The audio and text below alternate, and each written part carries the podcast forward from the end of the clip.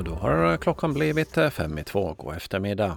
Ålands eh, riksdagsledamot Mats Lövström är nöjd med resultatet i Finlands presidentval där Alexander Stubb stod som segrare i söndagens andra omgång. Det är ett jättefint resultat för Finland att vi fått en president som heter Alexander Stubb.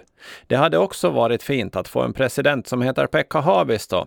Det här var ett val där det inte kunde bli ett dåligt resultat för Finland eller Åland, säger Lövström.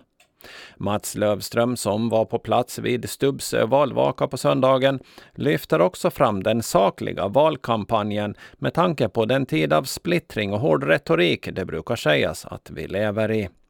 Nu senaste debatten så kanske det var lite tuffare, men det har fortfarande varit en saklig och väldigt ödmjuk kampanj mellan de två, säger Lövström. De regionala effekterna för Åland bör beskrivas utförligare då den föreslagna etableringen ansluter till Ålands ter territorialgräns. Bland annat är landskapsregeringens svar på NTM-centralen i egentliga Finlands begäran på ett utlåtande om MKB-programmet gällande Ilmatar Offshores ABs vindkraftsprojekt Vågskär. Landskapsregeringen har synpunkter gällande bland annat miljö, fiske och fornlämningar där de önskar vidare utredning av effekterna på vindkraftsprojektet. Det kunde klarare framgå i programmet att effekter som ett förverkligande skulle ha för fristående utveckling av vindkraft på Ålands norra havsområden ska utredas. Effekten av en etablering enligt Ilmatars framförda planer torde kraftigt påverka fristående vindkraftsprojekt söder om projektområdet, skriver landskapsregeringen. Vågskär ligger cirka 30 kilometer norr om Åland och angränsar till vattenområden i Hammarland, Geta, Saltvik och Kumlinge. Högskolan på Åland startar för första gången en utbildning helt på distans när 20 platser erbjuds inom företagsekonomi från höstterminen i år.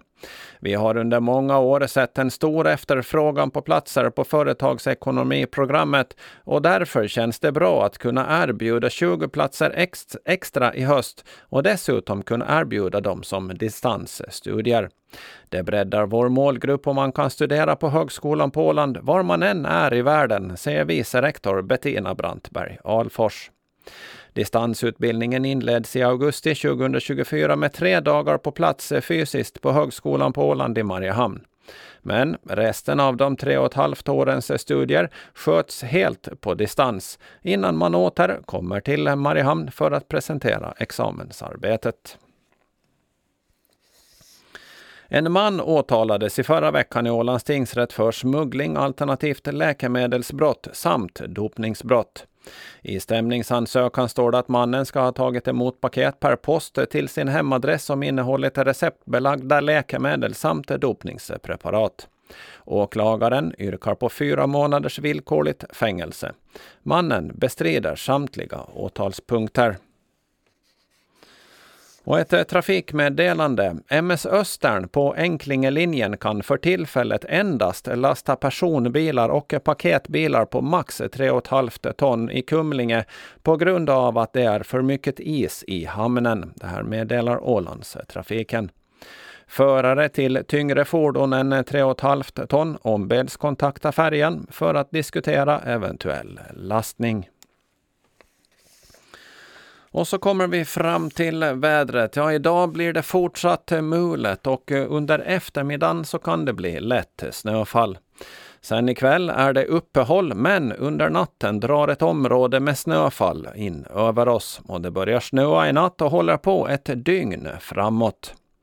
Idag är temperaturen runt 5 minusgrader och imorgon blir det runt 2 minusgrader.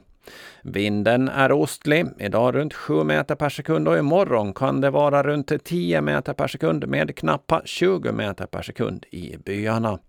Och det är en trafikvarning utfärdad för imorgon på grund av att snöfallet kan ställa till det. Sjövädret så är det en tilltagande vind omkring ost. Eh, till en början 8 till 12 meter per sekund och från ikväll 11 till 15 meter per sekund. På norra Östersjön 13 till 18 meter per sekund. Det här var Ålandsnytt. I studion Ove Sjöblom och nu nyheter från Sverige.